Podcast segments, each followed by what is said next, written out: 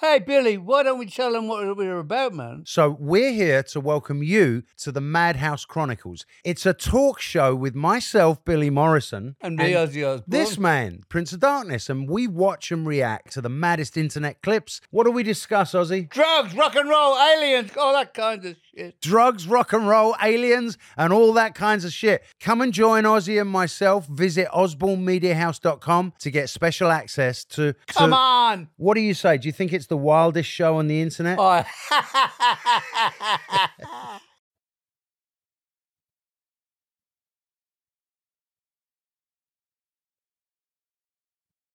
Fighting Through Podcast Episode 34 Wartime Holidays. Great unpublished history. Here the diary pages Anne Cheall wrote on holiday in Wales in 1943. A brief sojourn before returning to the bomb making factory. Learn about midnight prowlers sneaking around the youth hostel in wartime Wales. Here's some wise advice about how to lead your life from my mum's secret jottings in her recipe book, such as I'll walk where my own nature would be leading me, listening to hear the rest. Hello again.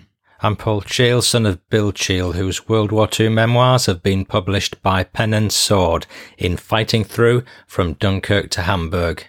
The aim of these podcasts is to give you the stories behind the story. You'll hear memoirs and memories of veterans connected to Dad's war in some way and much more. On this occasion, my mum. I'm going to start by saying I've been rather naughty. I know I said last time that this episode was going to be about veteran Freddie Lineker, but I've decided to quickly sneak something else in first. But I promise Freddie's interview will not be far behind. But the reason I've changed the order is that I've been helping Mum sort out some boxes of old photos, and I came across a little diary written years ago. It's entitled Colwyn Bay, July 1943, and it's Mum's record of a short holiday she had with some friends in Wales. It's very sweet and innocent and full of the sorts of memories that would undoubtedly have been of their time but it rather fits in nicely with the theme of women at war, so it's logical to publish it now as part of a trio rather than wait. Also included in this episode are some sayings that my mum used to use to guide her thinking in life. Before we turn to mum's diary, firstly, hello Sweden, and thank you for listening. Sweden is number five in my listening charts. Massively in the lead is USA, followed by UK, Canada, Australia, then Sweden. I can see I'm going to have to learn how to speak Swedish here, so uh, stay listening to the end, my friend. I am planning to cover Sweden in the war sometime. It won't be for some months yet, so you've got plenty of time to get your grandparents or parents to tell you any stories they might have. Uh, Sweden was neutral in the war, but I bet any money there was secret stuff going on behind the scenes. But you know, this doesn't have to be about Sweden or bombs blowing up. We're recording history here, and I think I'm finding out from Mum's stuff that it's all interesting material. And I see I've just made it to the heady heights of number 97 in the podcasting charts in Belgium. Hallo, goeiemorgen, Alice goed? I hope I pronounced that correctly. And uh, hello, Korea. It looks like there are around 40 of you listening in, so I'll say Hwanyong Hamni Day. Or should I say O Seo Seo? Again, I hope the pronunciation's not too bad. Um, it, it would be great to hear from some of you good people. But wherever you're listening in from, uh, a warm welcome from me, and I hope you enjoy the show. Um, I've just been reading a book called Churchill's Ministry of Ungentlemanly Warfare, recommended by Andy Dryden. And what a book! If you're looking for a good present for someone, I'd say look no further. Uh, well, other, other than Dad's book, of course. Um, it's all about the dirty tricks that Britain learned to play against the enemy during World War II, uh, including resistance activity in other countries. It's absolutely breathtaking, superb read, and it's a Sunday Times top 10 bestseller. I'll put a link in the show notes. And if you use that link to buy the book, uh, I will get a small commission which will help towards the costs of the show. I'd stress that you will not pay any extra for this privilege. The price you pay will be whatever the going rate is on Amazon. And if you buy anything else through Amazon whilst you're there, I'll get a small commission on that as well. So thank you in anticipation. So, this episode isn't full of good old army action, but uh, tales of a more genteel nature. Of course, at this point, Mum would never have met my dad, and he would have been fighting for his life in Sicily around this time, 1943. So, quite opposite ends of the spectrum, really. Uh, Dad was sheltering from heavy shelling near the River Simeto at the Battle of Primosole Bridge. Mum was probably sheltering from the rain under a tree. Um, Dad, he was eating bully beef and flies. Mum was enjoying smoked salmon. There's the peaceful tranquillity of a sojourn in Wales compared with the breathtaking brutality of war. So, in 1943, Mum was 21 years old. She was working in an armaments factory, making timers to go into bombs, and for a few wonderful days, she forgot about the war. Here goes. It's written in rather faint pencil and I'm reading direct from the pages, so if I wet the girds wrong, you'll have to excuse me. So close your eyes and picture the tranquility of these wonderful holiday memories. I managed to record Mum just a few days ago when I told her what I was doing, and her memory suddenly sparked into overdrive, and she gave me a lovely introduction to it all.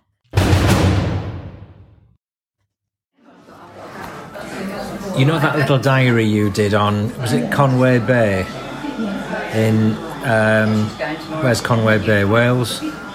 Betwixt Coed. What's it called? Betwixt Coed. Swallow Hotel. Etwysy Coed, right?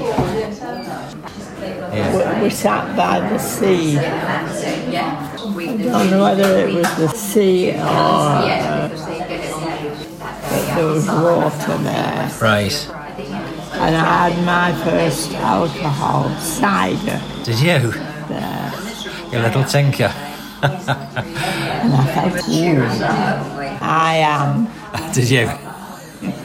and it was cider, did you say? Swallow Hotel. Why did you go there? Was it? There's a couple of you joined in with a larger group. It was a, all the hostel went Which, which, which that hostel? we were staying at. Ah, okay. It was a, a youth hostel. Right. Betws-y-Coed was. Yeah. Right. It means little mouse. Right.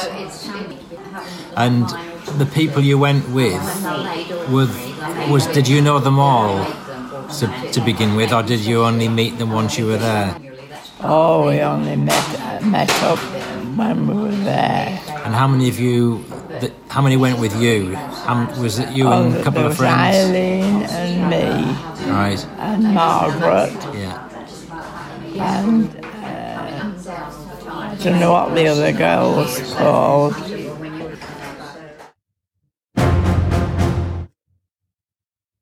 Colwyn Bay, 1943.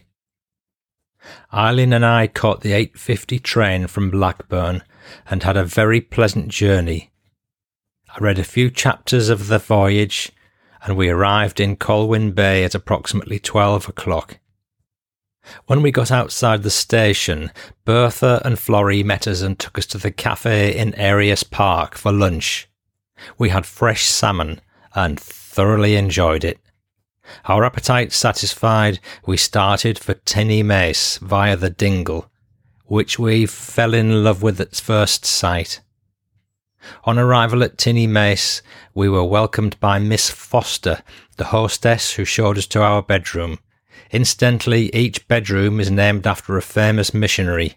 Ours was Chalmers, which we shared with four more girls. After unpacking, we went outside and sat on the lawn before going on the pier.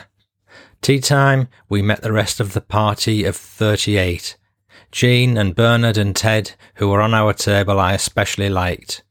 Jean and Bernard were keeping company. Ted was a bachelor, about 40. On Saturday night, Eileen and I went on the pier dancing.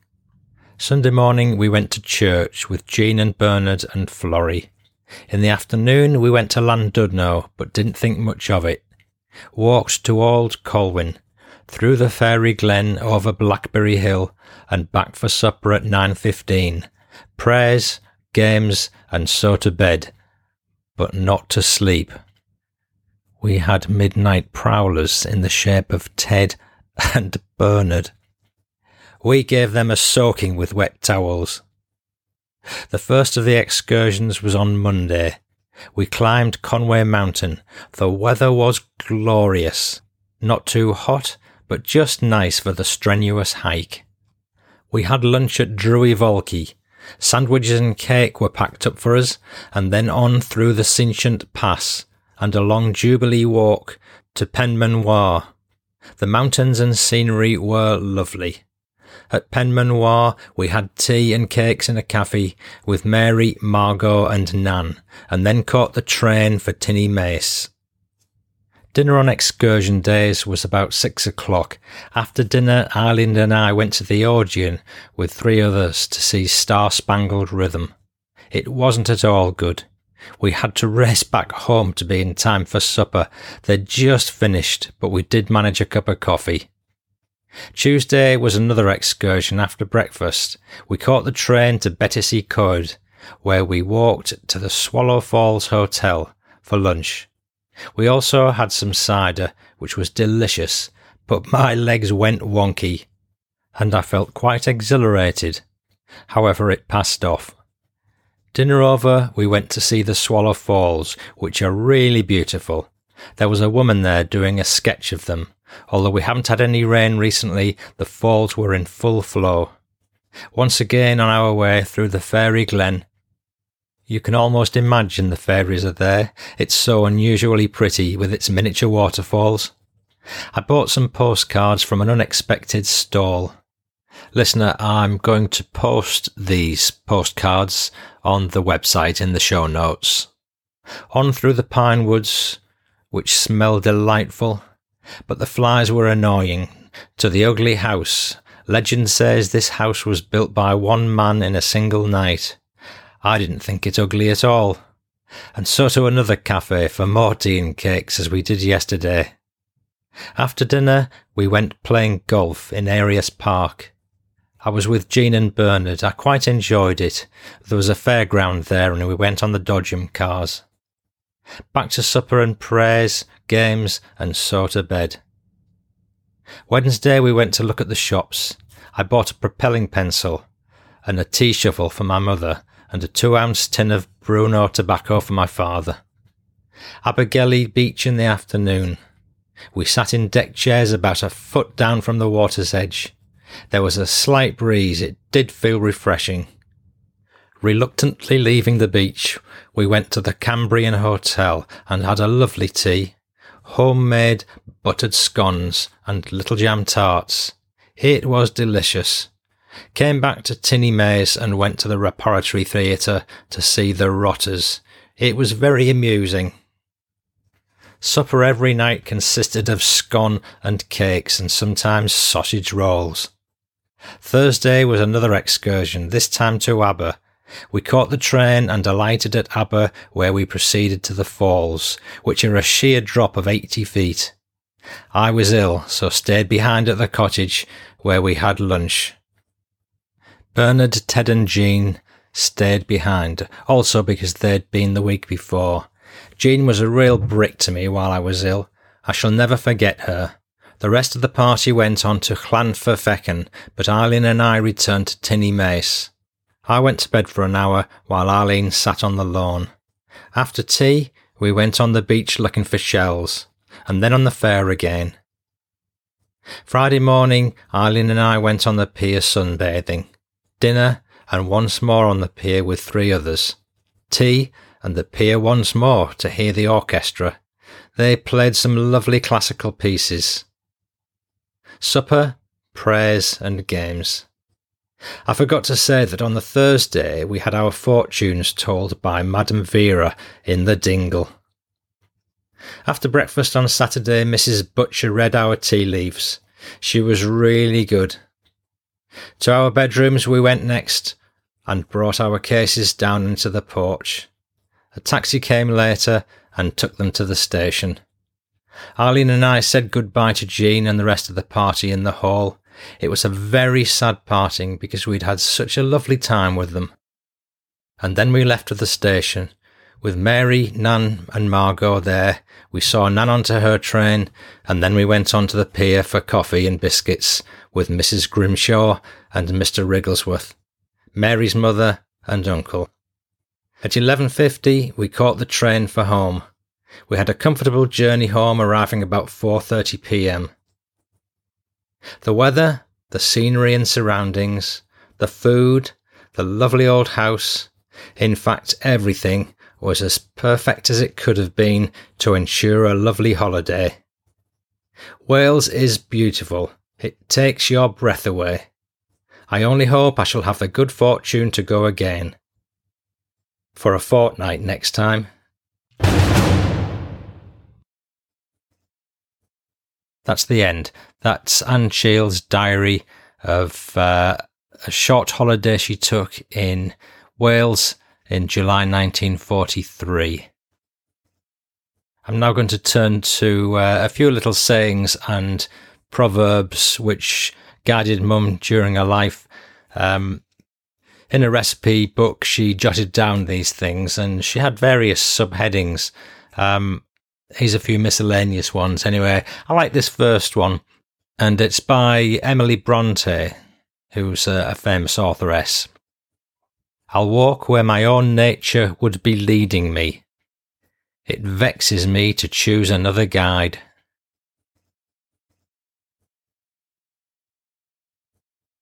To do something, however small, to make others happier and better is the highest ambition, the most elevating hope which can inspire a human being.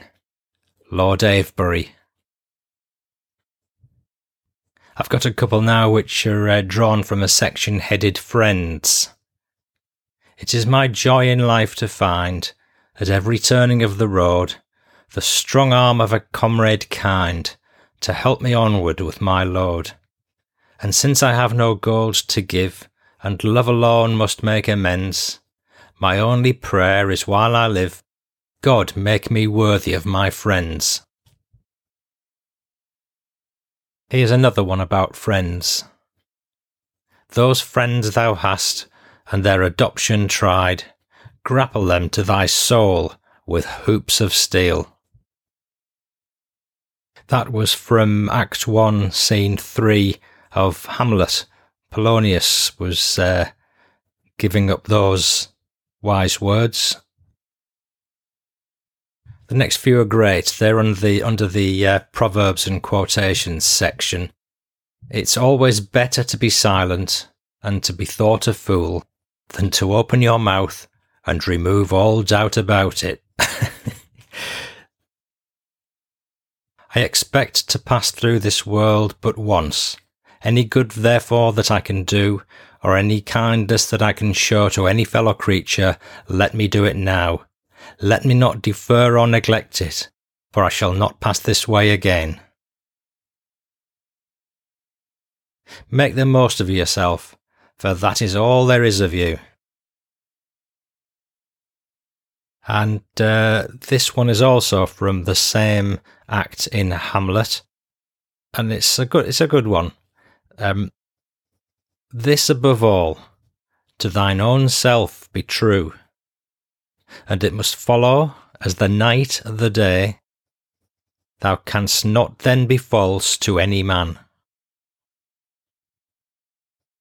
Well, that's the lot. I, I hope you enjoyed them. I think they were completely off the wall compared with what's gone before in the various episodes, which are much more about fighting a war than living in the background.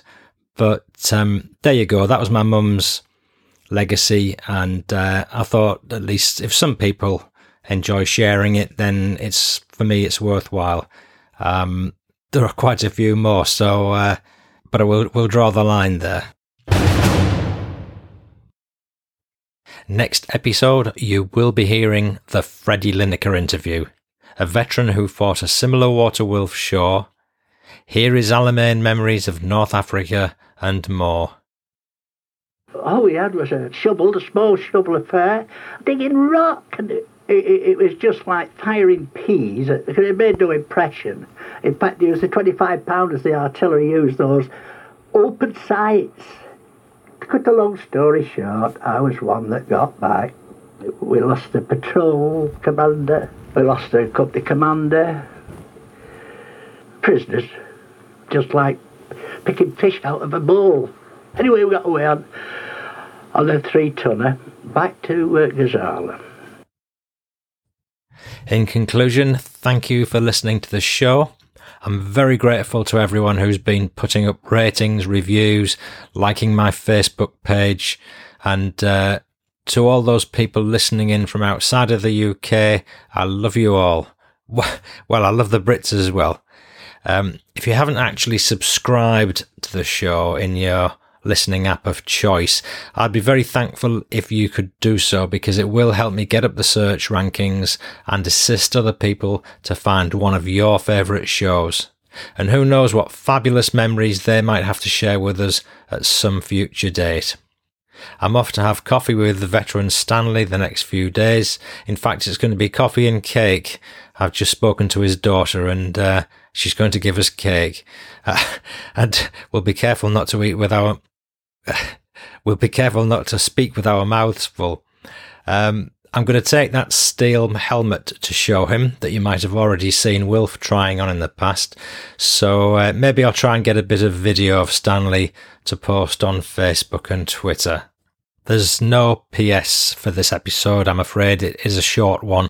But uh, forever wanting to try to entertain you, I will uh, say thank you to all those people listening in Sweden and, well, everywhere, of course, but particularly by courtesy of Joanna, who tips me off about this phrase, I'll finish now. I'm Paul Cheall saying, Taco hey, lever paste. Bye bye now.